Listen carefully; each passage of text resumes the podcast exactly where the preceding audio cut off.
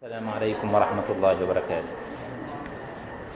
الحمد لله والصلاة والسلام على رسول الله صلى الله عليه وعلى آله وصحبه وسلم. يقول ابن رشد الحفيد رحمه الله تعالى ونفعنا به وبكم في الدارين آمين. وأما المسألة الخامسة وهو اختلافهم في مقدار الطعام فإن مالكا والشافعي وأصحابهما قالوا يطعم لكل مسكين مدا بمد النبي صلى الله عليه وسلم. وقال أبو حنيفة لا يجزئ أقل من مدين بمد النبي صلى الله عليه وسلم. وذلك صاع لكل مسكين. وسبب اختلافهم معارضة القياس للأثر. أما القياس فتشبيه هذه الفدية بفدية الأذى المنصوص عليها. وفدية الأذى هي إطعام مدين لكل مسكين. الأذى من أصابه الأذى في الحج وهي ما يسميها الشافعية بفدية الترفه. المذكورة في القرآن الكريم أعوذ بالله من الشيطان الرجيم وأتموا الحج والعمرة لله فإن أحسرتم فما استيسر من الهدي. ولا تحلقوا رؤوسكم حتى يبلغ الهدي محيطا فمن كان منكم مريضا أو به أذى من رأسه ففدية من صيام أو صدقة أو نسك أو صدقة هذا هو الشاهد. فالصدقة كم؟ التي يخرجها من أصابه الأذى في الحج الإنسان المحرم هي ثلاثة أصوع على ستة مساكين كما وضح ذلك حديث النبي صلى الله عليه وسلم. وبالتالي إذا كانت ستة أصوع على ثلاثة مساكين معنى ذلك أن كل مسكين نابه مدان. فهنا ابن رشد يقول القياس من قاس فدية الكفارة في الصيام على فدية من أصابه الأذى في الحج قال إنه يطعم مدين لكل مسكين. كم مسكين؟ لكل مسكين. كم مسكين؟ ستون ستون مسكينا كل مسكين مدين من الطعام. على هذا الرأي. وهذا الرأي هو ما ذهب إليه الإمام أبو حنيفة رحمه الله. لكن في الحقيقة هل الإمام أبو حنيفة قال ذلك بالقياس؟ الإمام أبو حنيفة لا يأخذ بالقياس في العبادات أصلا. وإنما الإمام أبو حنيفة يروي آثارا عامة أن الكفارة فيها مدان وليست مدا واحدا من الطعام. إذا مبنى كلام الإمام أبي حنيفة على الآثار وعلى بعض النصوص الواردة التي صحت عنده أن الكفارة فيها مدان من الطعام.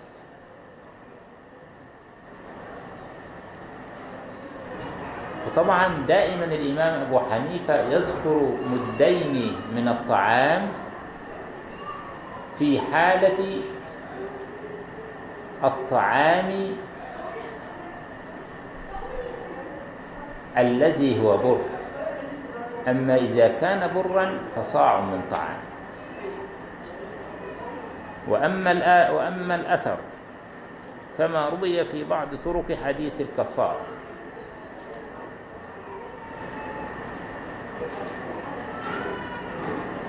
أن الفرق كان فيها خمسة عشر صاعا.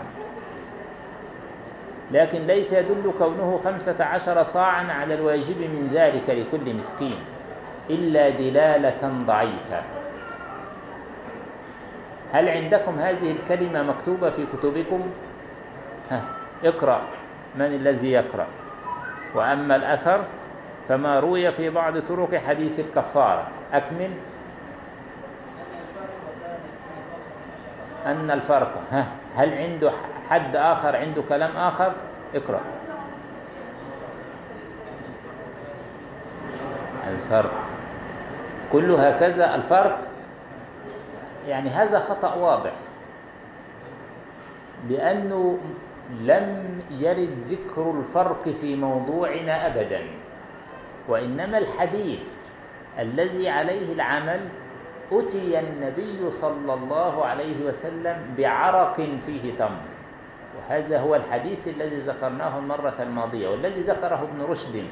أتي النبي بعرق فيه تمر إذا هذا ليس الفرق وإنما العرق.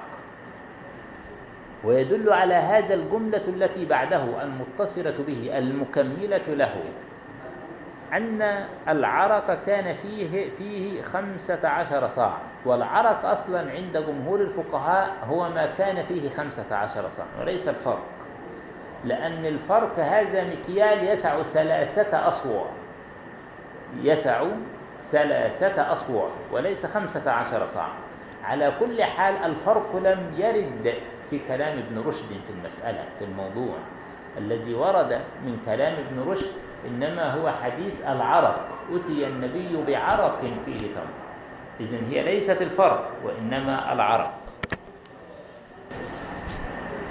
ثم يحلل ابن رشد هل يستقيم لجمهور الفقهاء أن يأخذ من هذا الحديث دلالة على أن كل مسكين يطعم مدا واحدا؟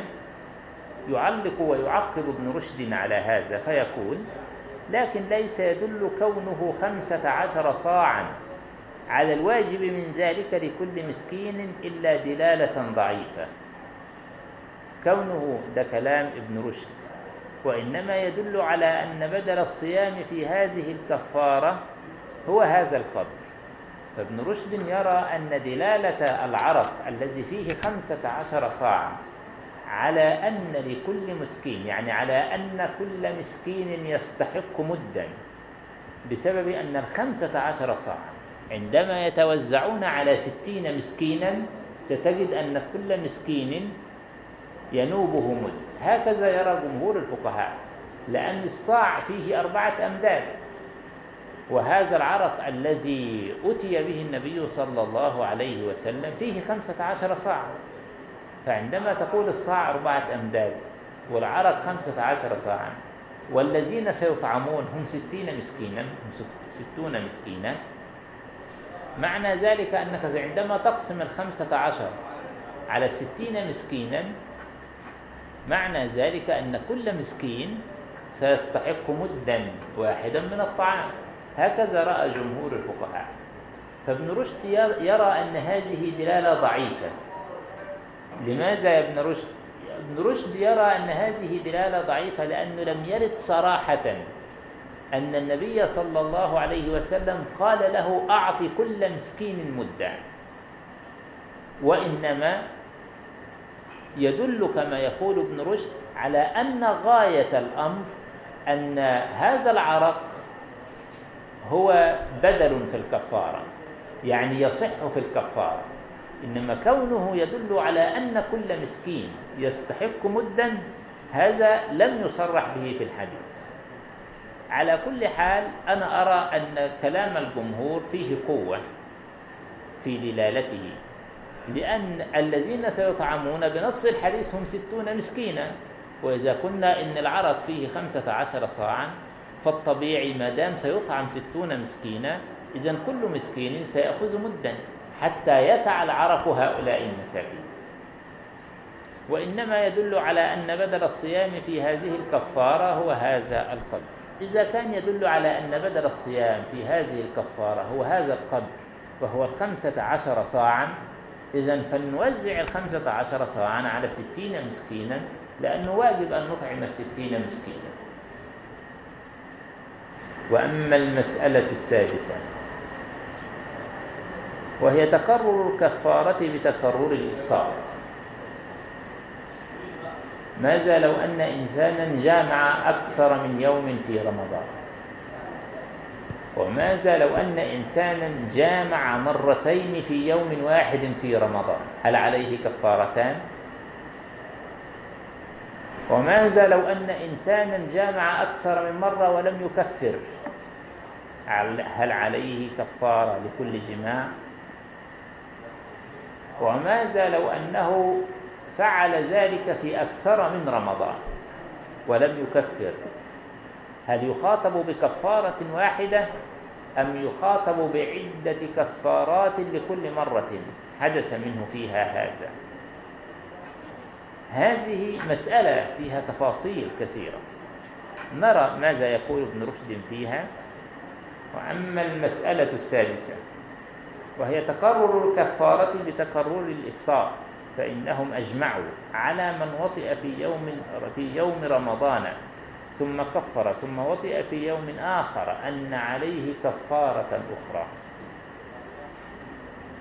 وأجمعوا على أن من وطئ مرارا في يوم واحد أنه ليس عليه إلا كفارة واحدة. دعونا نتحدث عن الاصطلاح الفقهي لهذه المسألة وهو مسألة وهي مسألة التداخل في الكفارات. تداخل الكفارات. ما حكم التداخل في الكفارات؟ وهل الكفارات تتداخل كما تتداخل الحدود؟ ماذا لو أن إنسانا زنى أكثر من مرة ولم يكن قد أقيم عليه الحد من قبل؟ هل نقيم عليه حدين إذا كان غير محصن؟ بمعنى أن يرجم مئة جلدة ثم يرجم مرة أخرى مئة جلدة وهكذا. وهكذا من سرق ولم يقطع. هل نقطعه مرات؟ أم نقطعه مرة واحدة لكل ما سبق؟ هذه مسألة التداخل في الحدود. فابن رشد كعادته في الغالب يحكي مواطن الإجماع أنهم أجمعوا على من وطئ أكثر من مرة في يوم واحد أن عليه كفارة واحدة وليس أكثر من كفارة هذا في يوم واحد. الأمر الثاني أن من وطئ حتى ولو أنه كفر ما دام في يوم واحد عليه كفارة واحدة.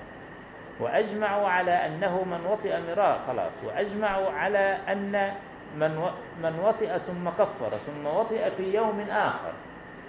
أن عليه كفارة لليوم الآخر. يبقى ببساطة إذا جامع فكفر فوطئ في يوم آخر عليه كفارة بالإجماع لليوم الآخر. لأنه قد استوفى أو قد جبر الجناية الأولى بالعقوبة. جبرها بالعقوبة. إذا بقيت الجناية الثانية بلا عقوبة فلا بد أن تجبر بعقوبة أخرى. يبقى هذا إجماع. إذا جامع في يوم فكفر ثم جامع في يوم آخر فعليه كفارة جديدة. ما دام قد كفر الأولى. لأن الجناية الجديدة أصبحت مكشوفة. لابد أن تستر بالعقوبة. هذه مسألة إجماعية. المسألة الإجماعية الثانية ذكرناها وهو أنه وطئ في يوم واحد أكثر من مرة. إذا ليس عليه إلا كفارة واحدة لأنها لهتك حرمة اليوم وقد هتك حرمة اليوم. إذا فلا يطالب بكفارة أخرى. هذه هي مواطن الإجماع. تعال لمواطن الاختلاف وهي غير ذلك. يعني غير هاتين المسألتين. واختلفوا في من وطئ في يوم من رمضان ولم يكفر حتى وطئ في يوم ثاني. فقال مالك والشافعي وجماعة عليه لكل يوم كفارة. وقال أبو حنيفة وأصحابه عليه كفارة واحدة ما لم يكفر عن الجماع الأول. دي المسألة أو إحدى المسائل التي وقع فيها الخلاف في هذا الموضوع وهو أن من وطئ في يوم ولم يكفر ثم وطئ في يوم آخر هل يخاطب بكفارات مختلفة بسبب تعدد الأيام؟ هنا الأيام تعددت إذا الإشكالية في تعدد الأيام تعددت الأيام ولم يكفر. جزئيتين المسألة تتركب من جزئيتين. تعددت الأيام ولم يكفر هل يخاطب بكفارة واحدة؟ الجمهور يقولون لا بل يخاطب بكفارة لكل يوم لأن كل يوم له حرمة. وقد انتهك حرمات هذا اليوم. فلا بد من كفارة لكل حرمة من حرمات هذا اليوم. أما الحنفية فإنهم يرون أن عليه كفارة واحدة بهذه الأيام ما لم يكفر عن غيره لأنه قد انتهك حرمة الشهر فالإشكالية هنا عند الحنفية في انتهاك حرمة الشهر وليس في قضية انتهاك حرمة, حرمة يوم بذاته. لما فعل ذلك فقد انتهك حرمة الشهر فاستحق العقوبة. وفي نفس الوقت لم يجبر الجناية الأولى بعقوبة فتتداخل الكفارات هنا. يعني تتداخل العقوبات هنا عند الحنفي. إذا دي مسألة للتداخل لكن عند الحنفي. تتداخل فتصير كفارة واحدة. وهذه هي التي ذكرها ابن رشد من مسائل الاختلاف. يتبقى عندنا مسألة وهي أنه وطئ في رمضان ولم يكفر حتى انتهى رمضان ثم جاء رمضان آخر فوطئ ولم يكفر. هل تتداخل الكفارات أم لا؟ طبعا أنت عندما تفكر في هذه المسألة تجد أن الجمهور من باب أولى ماذا يقول فيها؟ من باب أولى يقول إن عليه كفارات. لأن الجمهور يقول هذا في رمضان واحد بتعدد الأيام حتى ولو لم يكفر عليه كفارة. فما بالك إذا حدث هذا في أكثر من رمضان؟ من باب أولى أن الجمهور يقول هذا. والحنفية يشتركون معهم إلا الإمام محمد بن الحسن الشيباني صاحب الإمام أبي حنيفة ووجه عند الحنابلة يقولون إن عليه كفارة واحدة.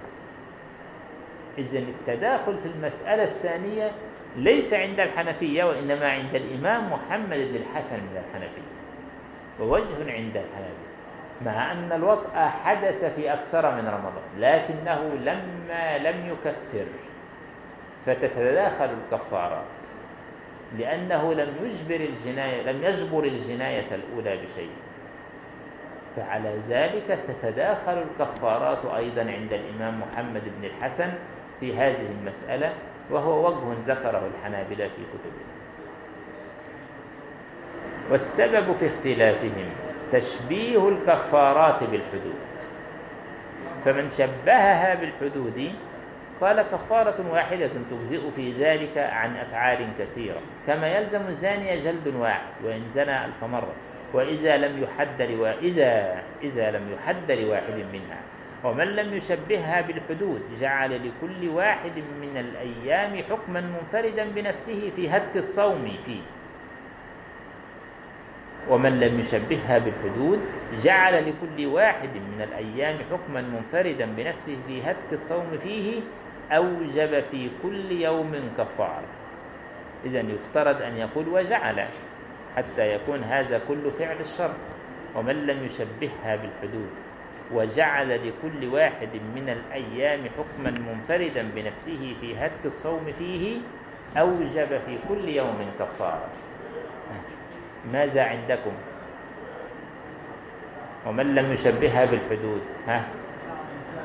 جعل لا ده كله سيكون فعل الشر لأنه أتى بعد ذلك بالجواب أوجب في كل يوم كفارة. إذا المفترض وجعل. نعم. طبعا سبب الاختلاف كما ذكره ابن رشد لكن نوضح شيئا بسيطا.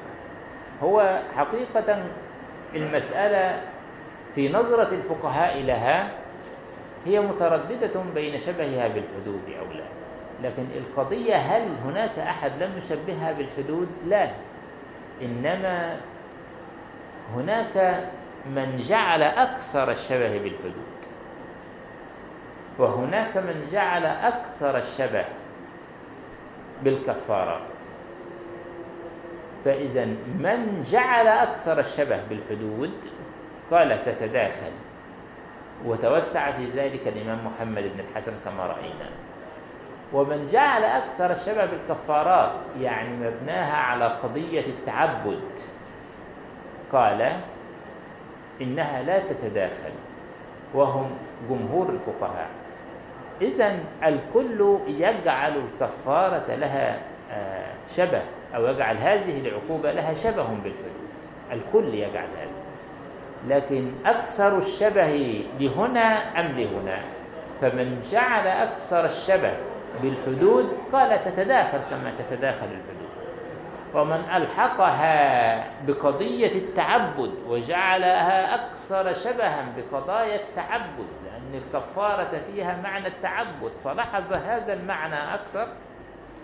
قال إنها لا تتداخل كما لا تتداخل الصلوات وكما لا تتداخل سائر العبادات. قالوا والفرق بينهما أن الكفارة فيها نوع من القربة آه. والحدود زجر محض. الذين رأوا أن الكفارة إن هي ستكون أشبه ما يكون بالتعبدات التي هي نوع من القربة وألحقها أكثر الشبه بهذا قال هي لا تتداخل كما لا تتداخل العبادات وأما المسألة السابعة وهي هل يجب عليه الإطعام إذا أيسر؟ وكان معسرا في وقت الوجوب. هل يجب عليه الإطعام إذا أيسر؟ وكان معسرا في وقت الوجوب. فإن الأوزاعي قال لا شيء عليه إن كان معسرا. وأما الشافعي فتردد في ذلك. والسبب في اختلافهم في ذلك أنه حكم مسكوت عنه فيحتمل أن يشبه بالديون فيعود الوجوب عليه في وقت الإسراء. ويحتمل أن يقال لو كان ذلك واجبا عليه لبينه له عليه الصلاة والسلام. المسألة أساسها هل الكفارة أو هل الواجب بالكفارة يكون اعتبارا بوقت الوجوب أم بوقت الأداء؟ يعني إذا وجبت عليك كفارة وكنت معسرا ثم أيسرت بعد ذلك هل نأخذ ونعتبر وقت الوقت الذي وجبت عليك فيه الكفارة وهو وقت الإعصار وقت كونك فقيرا؟ فنقول ما دمت لم يقم معك مال وقت الوجوب وقت وجوب الكفارة. إذا فعليك الصيام حتى ولو أيسرت قبل هذا. عفوا حتى ولو أيسرت بعد هذا. فإنك لا تخاطب بعد ذلك بشيء آخر. ما دمت كنت فقيرا عند وجوب الكفارة عليك. إذن فلا بد أن تخرج ما وجب عليك أو على الأقل فتكتفي بما وجب عليك وقت الوجوب وهو الصيام حتى ولو أيسرت بعد هذا. أم نقول إن العبرة بوقت الأداء يعني الكفارة لا تجب فورية الكفارة وجبت عليك لكنها ليست فورية فأنت لم تخرجها الآن. وإنما أخرجتها في وقت قد تيسر لك فيه الغنى. هل في هذه الحالة تنقلب الكفارة إلى الإطعام لأنك ستؤدي الآن في حالة الغنى وبالتالي تنقلب الكفارة إلى الإطعام؟ أم نقول إنها قد وجبت عليك صياما؟ إذا فسيظل الصيام في رقبتك.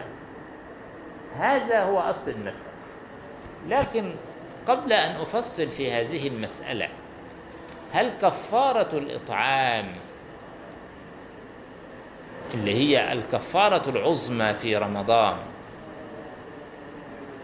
هل الصيام فيها مقدم أم الصيام فيها في نهاية الكفارة يعني ما ترتيب الكفارة أصلا في مسألة الصيام لمن أفطر متعمدا في رمضان أو لمن جامع في رمضان متعمدا كما سبق. ما ترتيب الكفارة؟ الأول عتق رقبة وهي غير موجودة الآن. الثاني هو الصيام أيوة ستين يوما. الثالث هو الإطعام. يعني المفترض أنه يصوم ستين يوما. فمن لم يستطع الصيام يبقى ينتقل إلى قضية الإيه؟ إلى قضية الإطعام. إذا الذي يتأتى في كلام ابن رشد حتى نقوله أو حتى نشرحه لا يكون في كفارة من أفطر متعمدا في رمضان. لأن الذي أفطر متعمدا في رمضان هو عليه الصيام أولا. فقيرا كان أو غنيا. فمن لم يستطع الصيام فعليه كفارة الإطعام. إنما حتى نتحدث في كلام ابن رشد محتاجين كفارة فيها الإطعام مقدم على الصيام. فأنت مخاطب بالإطعام أولا. فإذا لم تجد الإطعام فصيام بعد ذلك إن لم تجد الإطعام. يعني إن كنت فقيرا معنى ذلك فإنك ستلجأ إلى الصيام. وهذا الصيام في وقت الوجوب أم في وقت الأداء؟ في وقت الوجوب كنت فقيرا فليس معك إطعام إذا يجب عليك أن تصوم. طيب أيسرت بعد ذلك؟ هل ترجع إلى الإطعام الذي كان مقدما أصلا على الصيام؟ أم تكتفي بالصيام؟ لأنه هو الذي وجب عليك وقت الحنس في الكفارة. هذه هي المسألة. إذا هذه المسألة تتأتى مثلا في كفارة اليمين. فكفارته إطعام عشرة مساكين من أوسط ما تطعمون أهليكم أو كسوتهم أو تحرير رقبة. فمن لم يجد لأنه فقير فصيام ثلاثة أيام. هنا نقول لك هل الكفارة تجب عليك اعتبارا بوقت الوجوب أم بوقت الأداء؟ هذا هو الذي يتضح فيه خلاف الفقهاء. فعند الحنفية والمالكية الكفارة تجب بوقت الوجوب وعلى ذلك لما حنست أنت في يمينك كنت فقيرا. إذا وجب عليك فإذا اغتنيت بعد ذلك فالصيام هو الذي تخاطب به. إذا حدث لك غنى بعد ذلك فالصيام هو الذي في ذمتك لأن العبرة بوقت الوجوب وليست بوقت الأداء. أما عند الحنابلة وقول عند الشافعية لأن الشافعية لهم عدة أقوال في المسألة. فعند الحنابلة وقول عند الشافعية العبرة بوقت الأداء وليست العبرة بوقت الوجوب. فأنت في وقت الأداء كنت غنيا. إذا وجب عليك الإطعام. طب هل الصيام صحيح عند الحنابلة؟ الصيام صحيح عند الحنابلة نعم. ليه لماذا الصيام صحيح؟ آه عند الحنابلة؟ لأنه وجب في ذمتك. إنما إذا أخرجت فهذا الإخراج صحيح تماما إنما الحنفية والمالكية يقولون يجب عليك ما وجب عليك وقت الأداء. فالذي وجب عليك وقت الأداء هو الصوم. إذن فأنت مكلف بالصوم ولست مكلفا بالإطعام. بل إنك إذا فعلت الإطعام فلم تفعل الكفارة. هذا معنى كلام الحنفية والمالكية. إنك إذا أطعمت في هذه الحالة فإنك لم تفعل الكفارة. لأن العبرة في الكفارة لوقت الوجوب وليس لوقت الأداء. هذه هي المسألة التي نحن بصددها وأما المسألة السابعة وهي هل يجب عليه الإطعام إذا أيسر وكان معسرا في وقت الوجوب فإن الأوزاعية قال لا شيء عليه إن كان معسرا أي في وقت الوجوب. لا شيء عليه إن كان معسرا أي في وقت الوجوب. إذن عليه الصيام. حتى ولو اغتنى بعد ذلك لأنه كان لأنها وجبت عليه أثناء فقره. وأما الشافعي فتردد في ذلك. طبعا قضية التردد التي يحكيها ابن رشد هي معناها الأقوال عند الشافعي. أن الشافعية عندهم ثلاثة أقوال في المسألة. والسبب في اختلافهم في ذلك أنه حكم المسكوت عنه يعني ليس فيه نص. فيحتمل أن يشبه بالديون. ها يحتمل أن تشبه ديون الله تعالى بديون العباد. فأنت لو عليك دين لشخص وكنت فقيرا ماذا تفعل؟ فنظرة إلى ميسرة. إذا أيسرت بعد ذلك فإنك ستؤديه فإذا شبهناها بديون العباد فإنك سترجع إلى الأصل. إذا اغتنيت ترجع إلى الأصل. وهو أنه كان يجب عليك الإطعام لو كنت غنيا. وأنت الآن في وقت الأداء أصبحت غنيا. إذا يجب عليك الإطعام. هذا عند التشبيه بديون الله تعالى بديون العباد. فيعود الوجوب عليه في وقت الإسراء. وقت الإسراء يعني وقت الغنى. ويحتمل أن يقال لو كان و... لو كان ذلك واجبا عليه لبينه له عليه الصلاة والسلام. لو كان ذلك واجبا على هذا الرجل الفقير الذي قال ما بين لابتيها أفقر مني يا رسول الله لو كان واجبا عليه أنه لو اغتنى لعاد إلى الإطعام لبينه له النبي صلى الله عليه وسلم. لكن هل هذا أكرر مرة أخرى هل هذا يتأتى في كفارة الجماع في نهار رمضان أو الإفطار عمدا بالأكل والشرب في نهار رمضان؟ لا يتأتى لأن قضية الإطعام هي أصلا مؤخرة. إنما الأصل هو الصيام وليس هو الإطعام بخلاف كفارة اليمين. هذا يتأتى في كفارة اليمين لأن الأصل فيها هو الإطعام وليس الصيام. الصيام لمن لم يجد؟ للإنسان الفقير. وبالتالي لو أيسر هل يصوم؟ اعتبارا بأن الصيام قد وجب في رقبته أثناء فقر فقره أم يعود إلى الواجب الأصلي وهو قضية الإطعام. دي المسألة.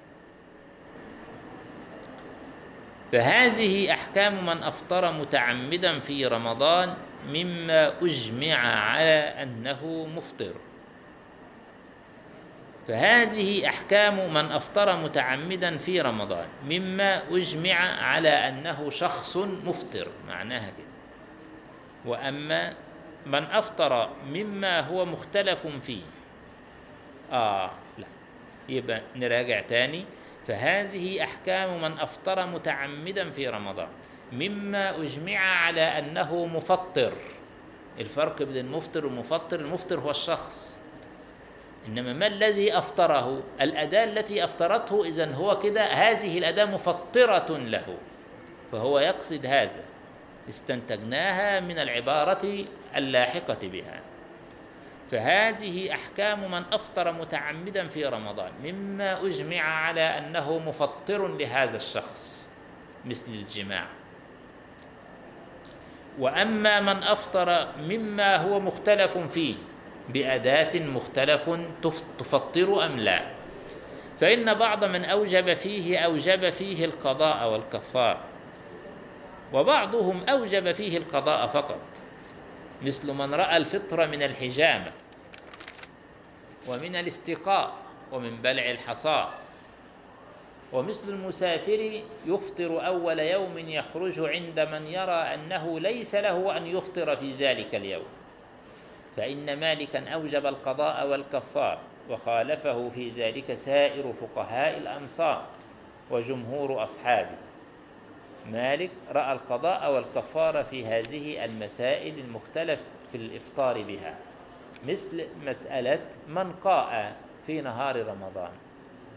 فعند الإمام مالك وعند جمهور الفقهاء جميعا أن ال الذي استقاء فقط متعمدا هذا هو الذي يقضي. أما إنسان غلبه القيء فإنه لا يقضي. طيب هناك اختلاف في المسألة خارج عن مذهب الأئمة الأربعة وهو أن البعض يرى أن من قاء فإنه يفطر سواء كان قد غلبه القيء أو كان قد استقاء فإنه يفطر على كل حال من الأحوال. فالإمام مالك عنده لو أن هذا الشخص أفطر يعني لو أن هذا الشخص قاء لم يغلبه القيء لكنه أكل بعد ذلك. أخذا بمذهب من يرى أن القيء عموما يفطر يفطر. هذا عليه القضاء والكفارة عند الإمام مالك. لأن الذي يفطر فقط هو الاستقاء هو القيء متعمدا. أما الذي غلبه القيء عند الإمام مالك وعند جمهور الفقهاء فإنه لا يفطر. ماذا لو أنه غلبه القيء وأكل. أخذا بمذهب من يرى أن من قاء أفطر. الإمام مالك يقول عليه القضاء والكفار. هذا معنى الكلام. وهكذا في سائر هذه المسائل المختلف فيها مثل الفطر بالحجامة نحن نعلم أن جمهور الفقهاء كما سبق شرحه لا يقولون إن الحجامة تفطر الصائم. ماذا لو أنه احتجم فأفطر فأكل. هذا عليه القضاء والكفارة عند الإمام مالك.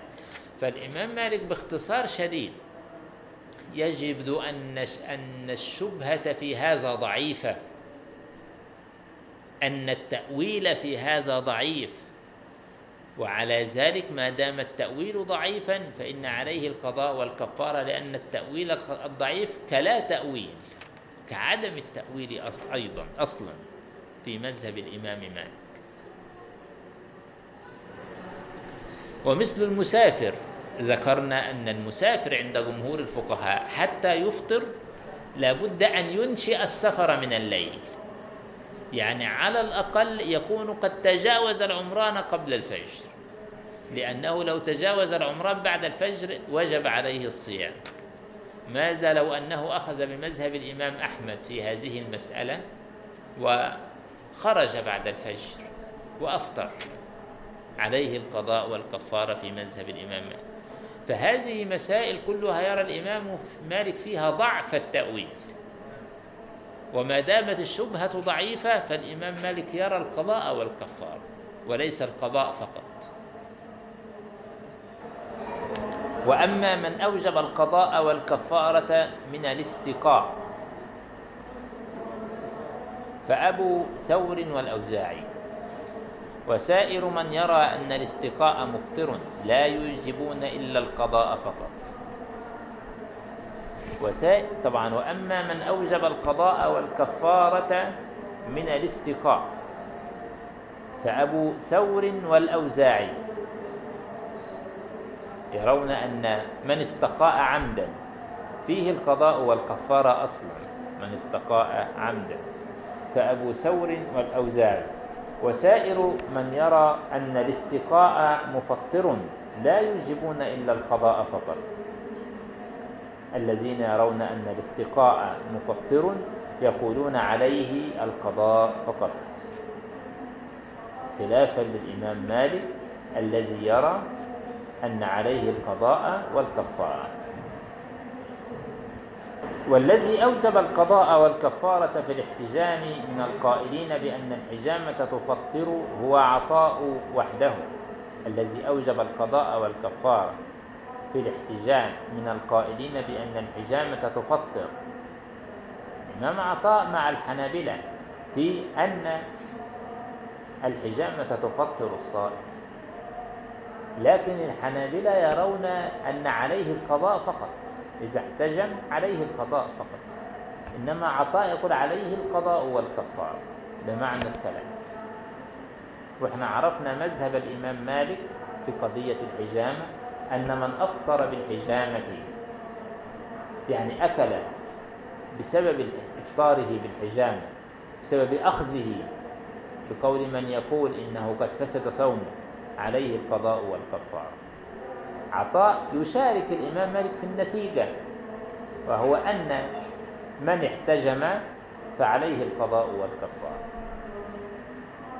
كل الفرق بين العطاء وبين الإمام مالك في النتيجة. كل الفرق أن الإمام مالك عنده الذي احتجم فأكل. لابد أن يأكل حتى يكون عليه القضاء والكفارة لأن مذهب الإمام مالك أن الحجامة لا تفطر أصلا لكنه إن احتجم فأكل بسبب أنه يظن أنه قد فسد صومه الإمام مالك يرى أن عليه القضاء والكفارة إنما عطاء يرى القضاء والكفارة من حيث المبدأ. ما معنى من حيث المبدأ؟ يعني بمجرد أنه احتجم حتى ولو لم يأكل ولم يشرب. عليه القضاء والكفارة. ده الفرق بين الإمام مالك وبين الإمام عطاء أبي رباح.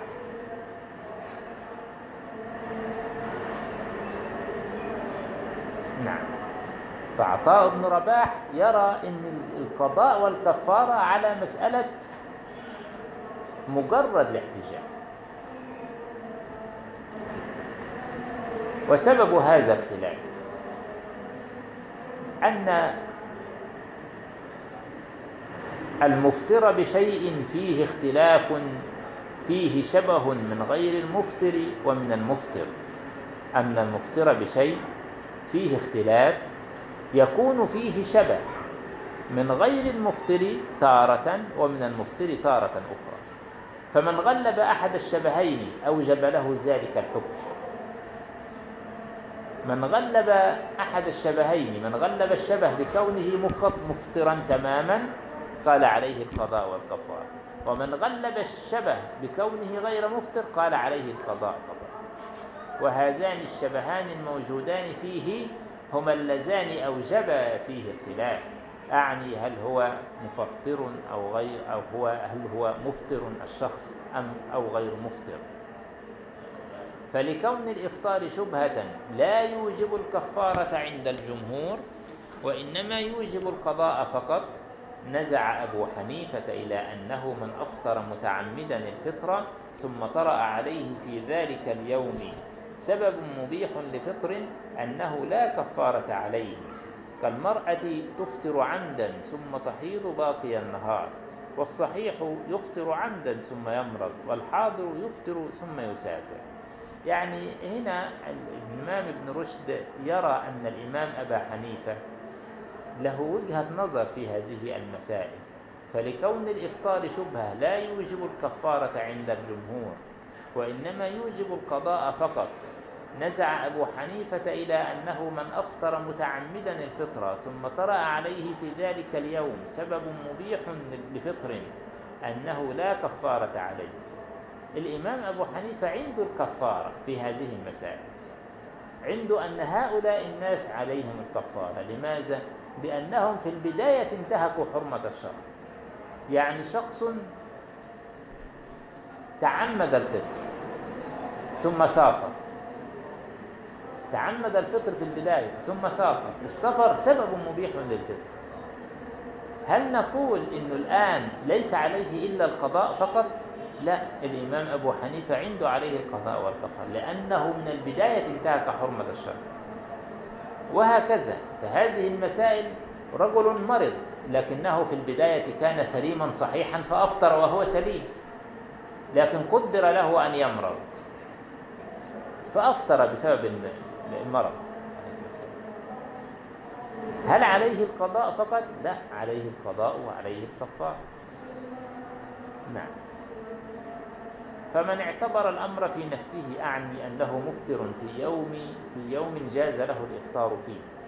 لم يوجب عليهم كفار وذلك أن كل واحد من هؤلاء قد كشف الغيب أنه أفطر في يوم جاز له الإفطار فيه. ومن اعتبر الاستهانة بالشرع أوجب عليه الكفار لأنه حين أفطر لم يكن عنده علم بالإباحة وهو مذهب مالك والشافعي. ومن هذا الباب إيجاب مالك القضاء فقط على من أكل وهو شاك في الفجر. وإيجابه القضاء والكفارة على من أكل وهو شاك في الغروب على ما تقدم من الفرق بينهما. ومن هذا الباب إيجاب مالك القضاء فقط على من أكل وهو شاك في الفجر. إنسان أكل وهو يظن أن الفجر لم يطلع. لكنه تبين بعد ذلك أن الفجر قد طلع. هذا عليه القضاء فقط عند المالكية طيب العكس. وهو رجل أكل ظن أن الشمس قد غربت. فإذا به بعد الأكل تبين أن الشمس لم تغرب. هذا ابن رشد يذكر فيه عن المالكية القضاء والكفار. أن الذي أكل يظن أن الشمس لم تغرب. يظن أن الشمس قد غربت. فظهر له بعد ذلك أن الشمس لم تغرب. هذا عليه القضاء والكفارة حسب ما يقول ابن رشد عند المالكية. لكن الذي يذكره ابن رشد هو قول في مذهب المالكية. إنما مشهور مذهب المالكية هو مثل المسألة الأولى. هو مثل مسألة الشاك فأكل ظنا أن الفجر لم يطلع فإذا به قد طلع. فالمسألتان عليه فيهما القضاء فقط. كل ما في الأمر أن المسألة التي ذكرها ابن رشد هذه كما قلت اللي هي مسألة الشك في طلوع المغرب أو في غروب الشمس هي مسألة فيها اختلاف في مذهب المالكية وإن كان المشهور أن عليه القضاء فقط. فيتأتى هنا السؤال هنا ابن رشد يقول على ما تقدم من الفرق بينهما بين المسألتين ماذا يقصد بهذه اللفظة أي لماذا كان هناك اختلاف في مذهب المالكية في مسألة من أكل شاكا في غروب الشمس ولم يكن هناك اختلاف في من أكل شاكا في طلوع الفجر. لماذا كان هناك اختلاف في المذهب هنا ولم يكن هناك اختلاف في المذهب هنا؟ هي قضية استصحاب الأصل. قضية استصحاب الأصل وأن الأصل بقاء ما كان على ما كان. وعلى ذلك تتأتى الرخصة أكثر في الشاك في طلوع الفجر. هذا باتفاق أنه ليس عليه إلا القضاء. لأنه استصحب الأصل. الأصل أنه كان مفطرا أم الأصل أنه كان صائما؟ الأصل أنه كان مفطرا. هو شك في عدم طلوع الفجر فأكل. هذا الوقت كان فيه مفطرا أصلا. فشك في عدم الطلوع فتبين أن الفجر قد طلع. إذا هذا يشك في عدم الطلوع فهو الأصل أنه كان مفطرا فاستصحب الأصل ولذلك خفف في حقه اتفاقا. فعليه القضاء فقط. إنما عندما تذكر العكس وهو من شك في غروب الشمس فأكل فتبين أن الشمس لم تغرب. ما الأصل في حقه؟ ها؟ أيوة الأصل في حقه الإمساك. إذا هذا تعجل الفطر دون أن يتحرى. ولذلك كان فيه اختلاف في المذهب فالبعض يرى أن عليه الكفارة مع القضاء. وإن كان المشهور أن عليه القضاء فقط. هذا تحرير مذهب المالكية. إذا فالخلاصة أن ابن رشد رحمه الله إنما ذكر قولا في المذهب ولم يذكر المشهور في قضية من شك في غروب الشمس. لأن المشهور أن عليه القضاء فقط. طبعا للشبهة في ذلك وهي شبهة الظن. والظن هنا ليس معناه قضية الشك وإنما معناه الظن الغالب. أن المغرب قد أذن له أو أنه يعني قد دخل غروب الشمس. واتفق الجمهور على أنه ليس في الفطر عمدا في قضاء رمضان كفارة. رجل يقضي الصيام بعد انتهاء شهر رمضان لأنه عليه صيام لكنه أفطر عامدا متعمدا في القضاء سواء بالجماع أو بالأكل والشرب عمدا. هل عليه الكفارة؟ فابن رشد يقول اتفقوا على أنه لا كفارة في القضاء لأنه لم ينتهك حرمة الشهر واتفق الجمهور على أنه ليس في الفطر عمدا في قضاء رمضان كفارة لأنه ليس له حرمة زمان الأداء. أعني رمضان. إلا قتادة. فإنه أوجب عليه القضاء والكفارة. وروي عن ابن القاسم وابن وهب أن عليه يومين قياسا على الحج الفاسد ما معنى روي عن ابن القاسم وابن وهب أن عليه يومين؟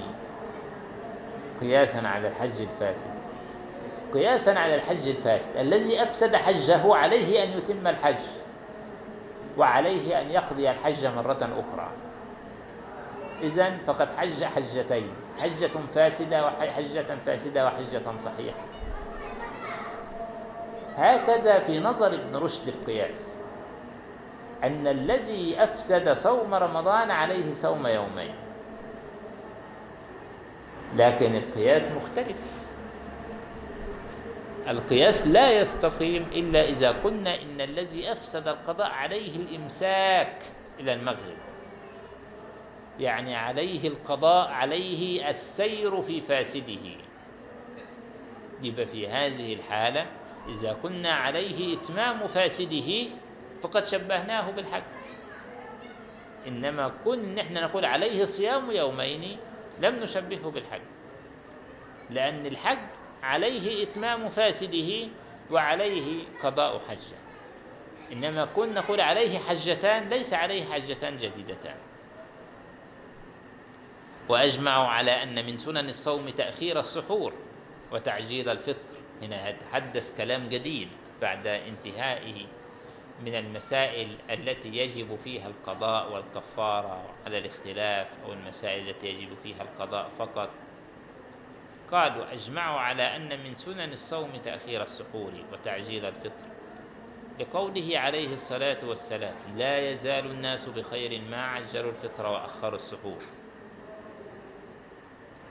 وقال تسحروا فإن في السحور بركة. وقال عليه الصلاة والسلام فصل ما بين صيامنا وصيام أهل الكتاب أكلة السحر.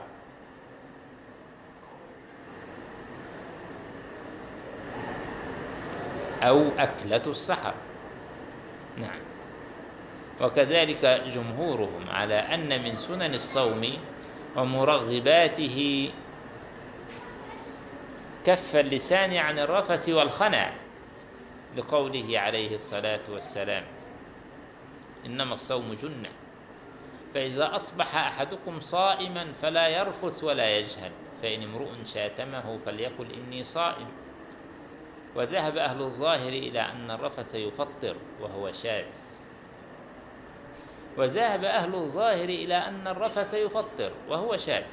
في نظر ابن رشد طبعا وهو شاذ عن جمهور الفقهاء. إن قلنا هذا لا بأس. عن جمهور الفقهاء. يعني إذا قلنا إن الشذوذ معناه التفرد به عن جمهور الفقهاء. لا بأس. إنما إذا قلنا إن الشذوذ معناه الضعف هذا فيه اجتهاد. هذا يعني للاجتهاد فيه مندوحة واسعة. وللاجتهاد فيه سعة. فهذا محل اجتهاد بين الفقهاء. الظاهرية يرون أن الفطر يكون بالمعاصي وعلى ذلك مذاهب بعض الفقهاء كالإباضية إن الفطر يكون بالمعاصي ويستدلون على ذلك بنصوص موجودة في كتب أهل السنة لكن لها تأويل آخر وهي رب صائم ليس له من صيامه إلا الجوع والعطش. من لم يدع قول الزور والعمل به فليس لله حاجة في أن يدع طعامه وشرابه. فأخذوا من ظواهر هذه النصوص أن من ارتكب معصية من المعاصي فإنه يفطر وعلى ذلك يضاف إلى المفطرات في رمضان على هذه المذاهب الإفطار بسبب المعصية. فهي مفطرة عند هؤلاء العلماء. الرفث والخنا طبعا معنى الفسق بصفة عامة. الخنا في أصله هو الزنا لكن يراد به هنا اجتناب الفسق بصفة عامة. الصوم جنة ما لم يخرقها. ما معنى يخرقها؟ يخرقها بمعصية. وهو حديث ضعيف لكن يؤيده النصوص الصحيحة عند هؤلاء العلماء الذين يرون الإفطار بسبب الصوم بسبب المعصية. على كل حال يجب على الإنسان إذا كان واجبا عليه في غير رمضان الإمساك عن المعاصي فأولى به وأحرى أن يمسك عنها في رمضان. أولا لأن المعصية في رمضان أكثر إثما وأعظم جرما وأشد انتهاكا لحرمة الشهر منها في غير رمضان. هذا أمر أساس في مسألة الصيام وكان عليه السلف جميعا رضوان الله تعالى عليه. الأمر الثاني تحسبا لرأي من يرى أن المعصية مفطرة في رمضان. فهذه مشهورات ما يتعلق بالصوم المفروض من المسائل ويبقى القول في الصوم المندوب إليه وهو القسم الثاني من هذا الكتاب. كتاب الصيام الثاني وهو المندوب إليه والنظر في الصيام المندوب إليه هو تلك الأركان هو تلك الأركان الثلاثة. وفي حكم الإفطار فيها فأما الأيام التي يقع فيها الصوم المندوب إليه وهو الركن الأول فإنها على ثلاثة أقسام أيام مرغب فيها وأيام منهي عنها وأيام مسكوت عنها ومن هذه ما هو مختلف فيه ومنها ما هو متفق عليه.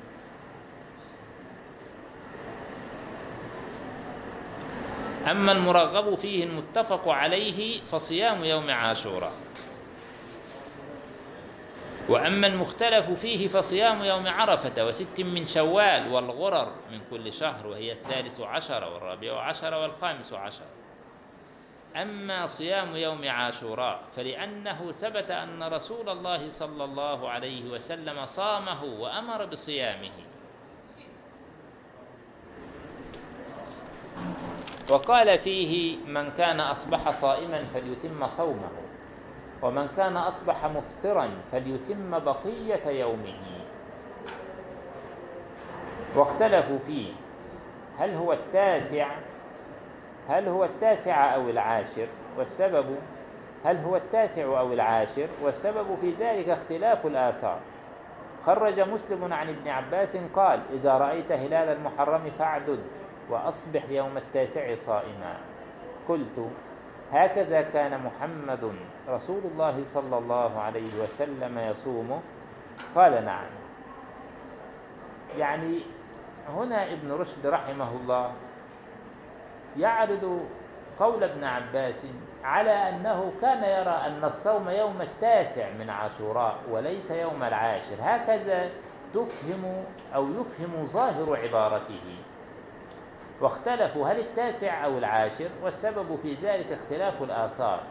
ثم أتى بأثر ابن عباس إذا رأيت هلال المحرم فاعدد وأصبح يوم التاسع صائما. يعني هذا في نظري ليس صريحا عند ابن عباس. هذا الأثر ليس صريحا أن ابن عباس يقصد صوم التاسع فقط. ليس صريحا في هذا. إنما يحتمل أن ابن عباس إنما ينبه على التاسع لأن الناس يغفلون عن التاسع. أما العاشر فهو متفق على صومه فهو أمر لا يحتاج إلى تنبيه إنما القضية في التنبيه على التاسع أنك حتى تحوز الثواب الأعظم فعليك التاسع والعاشر. إذا رأيت هلال المحرم فاعدد وأصبح يوم التاسع صائما. إنما هل تحدث عن يوم العاشر؟ هو مسكوت عنه. إذا الحديث ليس فيه أن ابن عباس ينكر صوم العاشر فهو في محل المسكوت عنه. فيؤخذ من الآثار والنصوص التي دلت على استحباب يوم عاشوراء. ولا ولا يفهم من كلام ابن عباس أنه ينكر صوم العاشر. والله أعلم. قلت هكذا كان محمد رسول الله صلى الله عليه وسلم يصومه؟ قال نعم. وقد كان رسول الله صلى الله عليه وسلم يصومه. وروي أنه حين صام رسول الله صلى الله عليه وسلم يوم عاشوراء وأمر بصيامه قالوا يا رسول الله إنه يوم يعظمه اليهود والنصارى. فقال رسول الله صلى الله عليه وسلم فإذا كان العام المقبل إن شاء الله صمنا اليوم التاسع قال فلم يأتي العام المقبل حتى توفي رسول الله صلى الله عليه وسلم. وأما اختلافهم في يوم عرفة فلأن النبي عليه الصلاة والسلام أفطر يوم عرفة وقال فيه صيام يوم عرفة يكفر السنة الماضية والآتية. لكن هو السؤال النبي أفطر يوم عرفة في المدينة؟ ولا أفطر يوم عرفة بعرفة؟ أفطر يوم عرفة بعرفة. إنما لم يرد عنه صلى الله عليه وسلم أنه أفطر يوم عرفة بالمدينة. إذا فالخلاف ليس في الصيام يوم عرفة لغير الحاج وإنما هو في الصيام يوم عرفة للحاج. هذا هو اختلاف الفقهاء. ولذلك اختلف الناس في ذلك. واختار الشافعي الفطر فيه للحاج. إذا الاختلاف في مسألة الفطر في الحاج للحاج. وليس في مسألة الصيام لغير الحاج فهذا متفق على استحبابه لغير الحاج. واختار الشافعي الفطر فيه للحاج جمعا بي وصيامه لغير الحاج. قضية الصيام لغير الحاج دي متفق عليها عند الجميع. الإشكالية في الفطر للحاج أو الصيام للحاج. أيهما المستحب؟ واختار الشافعي الفطر فيه للحاج وصيامه لغير الحاج جمعا بين الأثرين وخرج أبو داود أن رسول الله صلى الله عليه وسلم نهى عن صيام يوم عرفة بعرفة ومن هنا جاء الاختلاف. هل يصومه الحاج أم لا يصومه؟ من هنا جاء الاختلاف للحاج طبعا المسألة اختار الشافعي نعم الفطر للحاج. قال المستحب في حقه الفطر أخذا بهذا الحديث الذي معنا أن رسول الله صلى الله عليه وسلم نهى عن صوم يوم عرفة بغير عرفة. واختار الإمام أبو حنيفة استحباب الصوم للحاج إلا أن يضعف في هذا اليوم عن الدعاء. جمعا بين الآثار. وهو مذهب مالك رحمه الله. أنه يستحب أيضا الصيام للحاج إلا إذا كان هذا يضعفه عن الدعاء فيستحب له الفطر. جمعا بين النصوص. إذا نهى عن صوم يوم عرفة بعرفة لمن ضعف عن الصيام. ده معنى الكلام.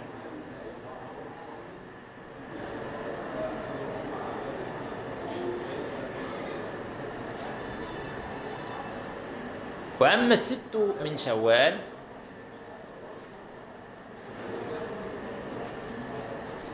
فإنه ثبت أن رسول الله صلى الله عليه وسلم قال من صام رمضان ثم أتبعه ستا من شوال كان كصيام الدهر. إلا أن مالكا كره ذلك. إما مخافة أن يلحق الناس برمضان ما ليس في رمضان. وإما لأنه لعله لم يبلغه الحديث أو لم يصح عنده وهو الأظهر مسألة ست صيام ست من شوال معروف استحبابها عند جمهور الفقهاء. والحديث الصحيح فيها في صحيح البخاري واضح ومعروف ومشهور ومحفوظ. من صام رمضان ثم أتبعه ستا من شوال كان كصيام الدهر. لكن الإمام مالك رحمه الله يرى كراهة صيام الست من شوال. يحيى بن يحيى الليثي المصمودي تلميذ الإمام مالك ويعتبر عليه رواية الموطأ الآن التي نقرأها نظرا لأنه من آخر من سمع عن الإمام مالك الموطأ. وروايته حجة بل هي أكثر اعتمادا من غيرها لكونه قد سمع متأخرا من الإمام مالك. يقول إن الإمام مالك رحمه الله قال ذلك لأنه لم يجد السلف يصومون رمضان. عفوا يصومون شوال. فقال لما وجده ليس عليه السلف ووجد أن العامة ربما يلحقون شوال برمضان بسبب أن الناس إذا صاموه واعتادوا صومه ربما ألحقه الجهال برمضان. وجعلوا ذلك على الأقل سنة مشهورة يعني لا بد من فعلها. كرهه مالك لهذا. والشيخ الدردير في الشرح الكبير يقول الكراهة التي عند الإمام مالك لها شكل معين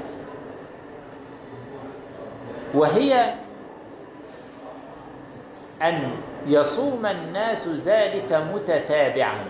أيام متتابعة وراء بعضها البعض. وأن يصوموها بعد رمضان مباشرة. وأن يكون صائمها هذا ممن يقتدى به. فتكون المشكلة أين هي؟ أنه إذا كان يقتدى به ويصومها صوما متتابعا ويلحقها برمضان بعد العيد مباشرة يظن أنها من رمضان. أما إذا كان يفعله الإنسان ترغيبا له من نفسه فهذا لا مانع منه ولا بأس به.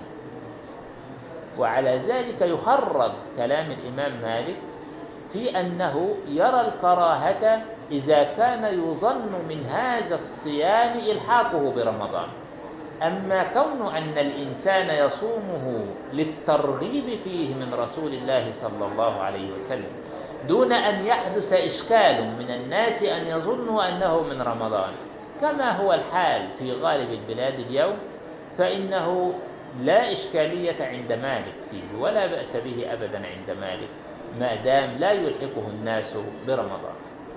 هذا تحرير مذهب الإمام مالك في قضية صوم الست من شوال أنه إذا ظهر الست من شوال على وجه يظن فيه الناس أن التتابع سنة مشهورة وأن هذا قد يلحقه الناس برمضان فهذا هو المكروه عند الإمام مالك. أما غير ذلك فلا بأس. وكذلك كره مالك تحري صيام الغرر مع ما جاء فيها من الأثر مخافة أن يظن الجهال بها أنها واجبة. الغرر اللي هي الأيام البيض الثالث عشر والرابع عشر. نفس الكلام عند الإمام مالك. كره صيام الغرر يعني الأيام المعينة بالغرر. إنما إذا صمت ثلاثة أيام من كل شهر في أول الشهر أو في آخر الشهر أو في أثناء الشهر هذا مستحب عند الإمام مالك. يعني القضية عند الإمام مالك في التعيين الذي يورث شبهة أن هذه الأيام لا بد من صيامها. وأنها سنة مشهورة عن رسول الله صلى الله عليه وسلم. لأن هناك فرق كبير عند العلماء بين قضية السنة وبين قضية المستحب. فالسنة العلماء كانوا يواظبون عليها مواظبة الفرض مع كونها سنة. فهذا يختلف عن قضية الاستحباب التي يفعلها البعض والتي لا يفعلها البعض وهكذا. فالإمام مالك عنده الإشكالية الأساسية ألا يظن بهذه الأيام ما ليس فيها أو ما ليست له أصلا في الشرع حتى لا ينقلب هذا المعروف حتى لا ينقلب هذا المعروف إلى بدعة.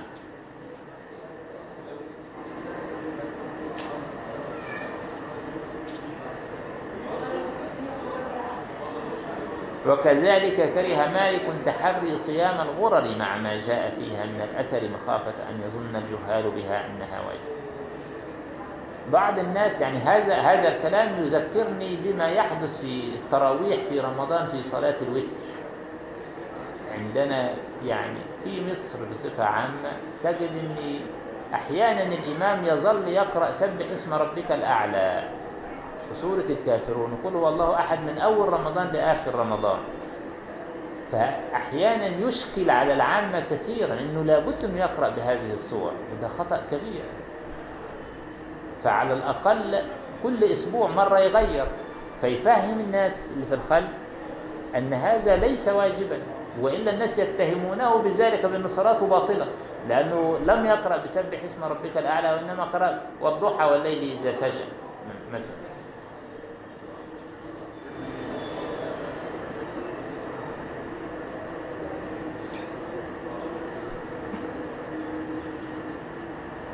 وثبت أن رسول الله صلى الله عليه وسلم كان يصوم من كل شهر ثلاثة أيام غير معينة وأنه قال لعبد الله بن عمرو بن العاص لما أكثر الصيام أما يكفيك من كل شهر ثلاثة أيام؟ قال فقلت يا رسول الله إني أطيق أكثر من ذلك. قال خمسا. قلت يا رسول الله إني أطيق أكثر من ذلك. قال تسعا. قلت يا رسول الله إني أطيق أكثر من ذلك. قال أحد عشر. قلت يا رسول الله إني أطيق أكثر من ذلك. فقال عليه الصلاة والسلام لا صوم فوق صيام داود. شطر الدهر صيام يوم وإفطار يوم. صيام الاثنين والخميس. وخرج أبو داود أنه كان يصوم يوم الاثنين ويوم الخميس. وثبت أنه لم يستقم قط شهرا بالصيام غير رمضان. وأن أكثر صيامه كان في شعبان. وأما الأيام المنهي عنها فمنها أيضا متفق عليها ومنها مختلف فيها. أما المتفق عليها فيوم الفطر ويوم الأضحى لثبوت النهي عن صيامهما. وأما المختلف فيها فأيام التشريق ويوم الشك ويوم الجمعة ويوم السبت والنصف الآخر من شعبان وصيام الدهر أما أيام التشريق فإن أهل الظاهر لم يجيزوا الصوم فيها وقوم أجازوا ذلك فيها. وقوم كرهوه وبه قال مالك إلا أنه أجاز صيامها لمن وجب عليه الصوم في الحج وهو المتمتع. وهذه الأيام هي الثلاثة الأيام التي بعد يوم النحر يعني ابن رشد يقول قوم أجازوا ذلك فيها. يعني من الذين أجازوا الصيام في أيام التشريق؟ يعني أنا لم أطلع عن أحد من الفقهاء أجاز الصيام في أيام التشريق. إنما كل ما عند الحنفية إذا كان يقصد الحنفية أنها مكروهة تحريما. ونحن نعلم أن الكراهة التحريمية عند الحنفية هي بمنزلة الحرام عند غير الحنف عند غير الحنفية. وإذا استطردنا في هذه المسألة نقول إن هناك مسألة عند الحنفية على سبيل المثال أن هناك نذر أن هناك من نذر صوم أيام التشريق. وصامها نذرا صامها وفاء للنذر هل في هذه الحالة تفي عن نذره أم لا؟ فالحنفية يرون أنها مع كونها مكروهة تحريما إلا أنها تفي بنذره لماذا؟ لأن الصوم صحيح. الصوم ليس باطلا. وهنا نفرق خاصة خاصة في مذهب الحنفية. وهذا عند الكل لكن الحنفية أكثروا من هذه القضية ففهمت عنهم خطأ. أن كثيرا ما يقول الحنفية. صحيح بل ربما يقولون جائز. ويقصدون بالجواز الصحة ولا يقصدون بالجواز الإباحة. يقصدون به الصحة ولا يقصدون به الإباحة. يعني صحيح مع الإثم. ويصرحون في بهذه العبارة في كثير من فقههم سواء في العبادات أو في المعاملات. يقولون جائز يجوز ويقصدون به الصحة. ومعنى قصدهم الصحة أنهم يريدون أنه صحيح مع الإثم مثل هذه المسألة التي نحن فيها. إذا نذر الصيام في أيام التشريق فإنها تفي إذا صام النذر في أيام التشريق. لكن مع اتفاقهم على أن الصوم أيام التشريق إنما هو مكروه تحريما وليس مباحا.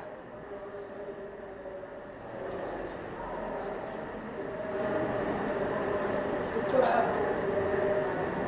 في فرق بين نية الصيام التطوع ونية الصيام الفرض نعم طبعا. إحنا تحدثنا في قضية صوم التطوع وصوم الفرض وهل يجوز أن يصوم رمضان بنية التطوع؟ قلنا هذا عند الحنفية موجود لأنه يجوز بمطلق النية فإذا جاز بمطلق النية فلأن يجوز أيضا بصوم التطوع لأنه إذا جاز بمطلق الصوم معنانا معناه أننا سنحذف كلمة التطوع ويصير مطلق الصوم. فإذا صام التطوع إذا قد نوى قبل كلمة التطوع مطلق النية. فنأخذ بمطلق النية ونحذف التطوع لأن رمضان لا يسع غيره لا يوجد مثله يزاحمه في الأيام.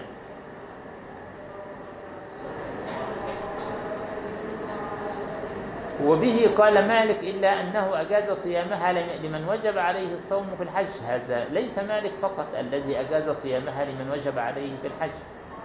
هذا يعتبر مذهب الجمهور أنه يجوز للحاج المتمتع الذي لم يجد الهج أن يصوم الثلاثة الأيام التشريق.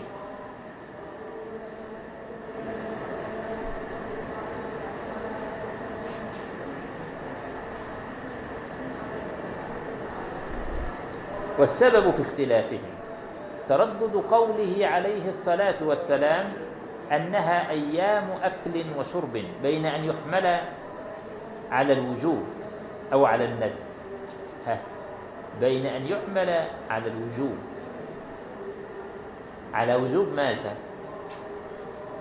هم؟ وجوب الصيام ولا وجوب ترك الصيام؟ يعني هو ده من التسامح عند ابن رشد أيضا في المصطلحات. يقصد وجوب ترك الصيام فكان ممكن أن يقول يحمل على التحريم وخلاص بدل ما يقول الوجوب ونفسره بوجوب ترك الصوم يقول يحمل على التحريم. بين أن يحمل على التحريم أو على أكمل كده. أيوة أو على الكراهة بدل الند. ند بترك الصوم لا نقول كراهة الصوم.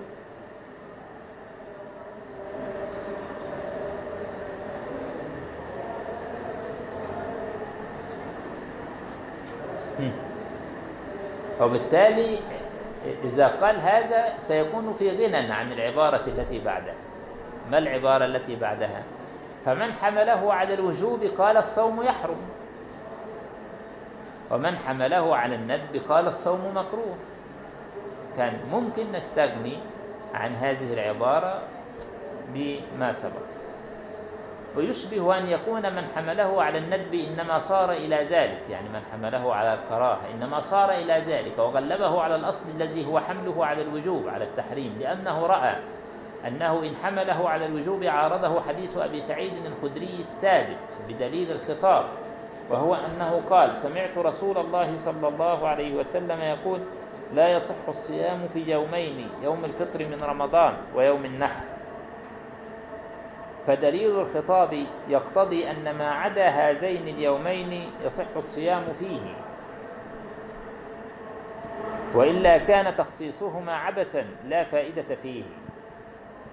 هو يعني لا يزال ابن رشد يعني في في في فيما يذكر أنه يرى أن هناك من العلماء من يرون أن الصيام يوم أيام التشريق مباح وإن كان مكروها للتنزيه يعني الكراهة أصلها الإباحة لكن خلاف الأولى.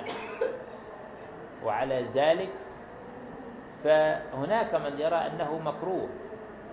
هذا إذا كان يقصد به مذهب الحنفية فالحنفية عندهم الكراهة هي الكراهة التحريمية. وإذا كان يقصد به أن هناك من يرى من العلماء أنه مكروه فقط تنزيها هؤلاء لا أعرفهم ولم أطلع على كلامهم وأنا في ظني والله أعلم أن ابن رشد يظن أن هذا مذهب الحنفية. والحنفية ليس مذهبهم كذلك. الحنفية يرون التحريم لكنهم يعبرون عنه بالكراهة التحريمية كما هو معلوم من أن الدليل إذا كان ظنيا كان موجبا للكراهة التحريمية وليس للحرام إذ الحرام في نظرهم هو من يكون ثابتا بدليل قطعي لا شبهة فيه.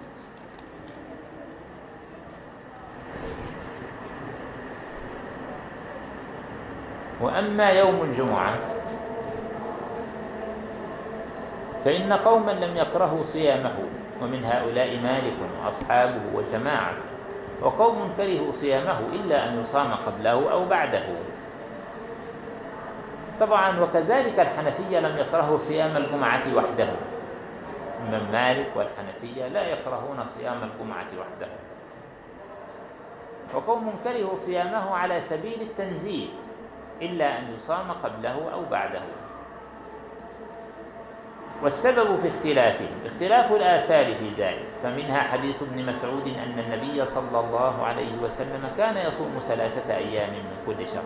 قال وما رأيته يفطر يوم الجمعة. وهو حديث وهو حديث صحيح. ومنها حديث جابر. أن سائلا سأل جابرا أسمعت رسول الله صلى الله عليه وسلم نهى أن يفرد يوم الجمعة بصوم؟ قال نعم ورب هذا البيت. خرجه مسلم. ومنها حديث أبي هريرة قال قال رسول الله صلى الله عليه وسلم لا يصوم أحدكم يوم الجمعة إلا أن يصوم قبله أو يصوم بعده. خرجه أيضا مسلم. فمن أخذ بظاهر حديث ابن عباس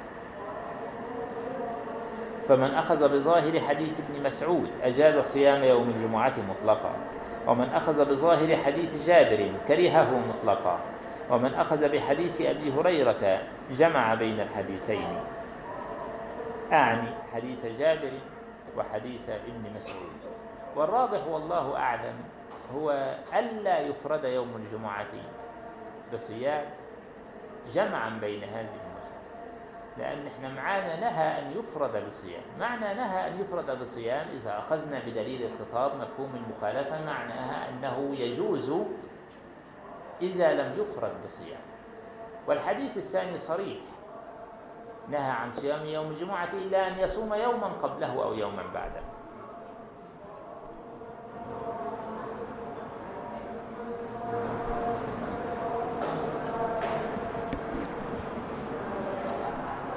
وأما حديث ابن مسعود فمحتمل. وما رأيته يفطر يوم الجمعة. طيب. وما رأيته يفطر يوم الجمعة لأنه يتبعه بيوم الخميس يصوم قبله الخميس. يقدم عليه الخميس أو يتبعه يوم السبت. إذا قضية هل كان يصوم قبله أو بعده هي مسكوت عنه. فتؤخذ من من الأحاديث الأخرى من النصوص الأخرى إلا أن يصوم يوما قبله أو يوما بعده.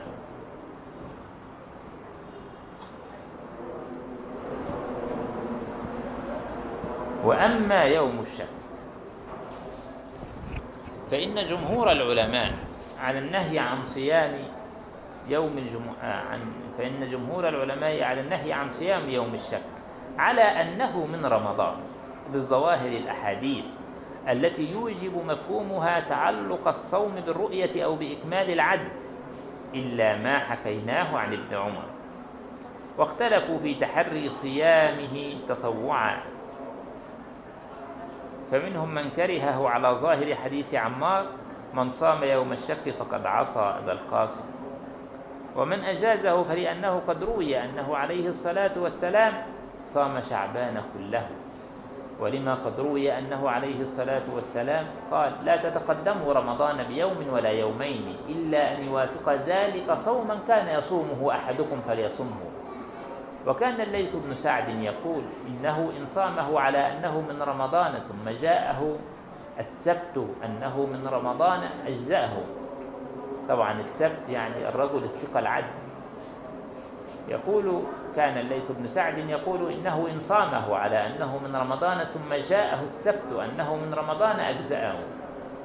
وهذا دليل على أن النية تقع بعد الفجر في التحول من نية التطوع إلى نية الفرض. وهذا دليل على أن النية تقع بعد الفجر في التحول من نية التطوع إلى نية إلى نية الفرض. دليل. في هذا دليل. أين الدليل؟